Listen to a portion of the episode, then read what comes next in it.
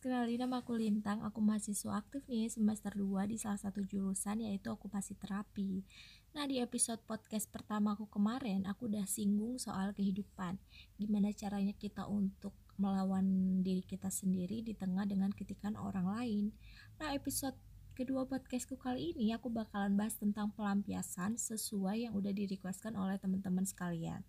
Kalian pasti pernah gak sih ngerasain itu, even kalian jadi korban pelampiasannya nih, atau malah justru kalian yang ngelakuin hal itu. Sebenarnya menurut aku pribadi, karena aku pernah berada di posisi keduanya, menurut aku tuh pelampiasan gak selamanya negatif gitu. Karena ternyata dia juga punya sisi positifnya. Dan ya, aku baru menyadari hal itu tuh akhir-akhir ini gitu ya walaupun sebenarnya semua hal tuh ada positif dan negatifnya tergantung dari gimana cara kita untuk ngeliat dan menilai hal tersebut. Kayak misal nih ada orang yang bilang kalau pelampiasan itu negatif karena menurut dia pelampiasan itu jahat banget gitu. Kayak kita tuh nganggep dia itu nggak tulus dan ya bisa dibilang deket karena supaya nggak sepi-sepi amat gitu hidupnya. Tapi nih, gak jarang juga ada yang bilang kalau pelampiasan itu positif karena ini tuh cara dia untuk move on dari seseorang karena dia ngerasa kalau dia mau melupakan masa lalunya ya dia harus sama orang yang baru untuk ngebuat dia jauh merasa lebih bahagia dari sebelumnya. Dan ya masih banyak persepsi lain yang orang kasih untuk menilai pelampiasan itu sendiri. Kalau aku pribadi nih, jujur aku lebih cenderung menilai pelampiasan itu sendiri sebagai ajang untuk move on dari masa lalunya.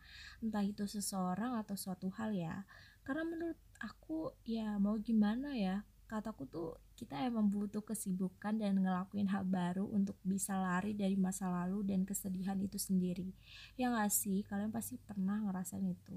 Dan tapi nih pernah gak sih kita kepikiran kalau hal itu tuh cenderung lebih banyak buruknya gitu daripada positifnya karena sadar atau nggak sadar pelampiasan itu terjadi nih biasanya ketika seseorang itu ngerasa bosen akan suatu rutinitas entah itu kegiatan atau seseorang gitu.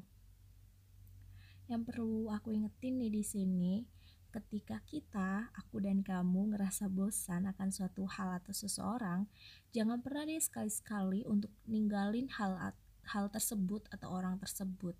Karena ketika kita memang masih baik uh, ke dia dan dia juga masih baik dan dia masih berdampak positif untuk hidup kita lebih baik tuh jaga dia dan jangan tinggalin dia. Karena ya mau gimana ya kita harus ingat kalau sumpama nih kita ninggalin dia atau hal tersebut percaya deh ketika kamu udah mendapatkan sesuatu yang baru kamu juga akan mengulang siklus kebosanan itu di kemudian hari gitu.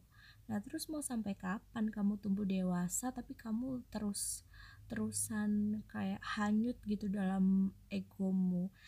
Dengar nih kata Dido, rasa bosan itu pasti ada, tapi jangan pernah saling meninggalkan. Nah, segitu dulu podcast dari aku. Jangan lupa share ke teman-teman kalian kalau kalian merasa suka dengan podcast ini. Dah.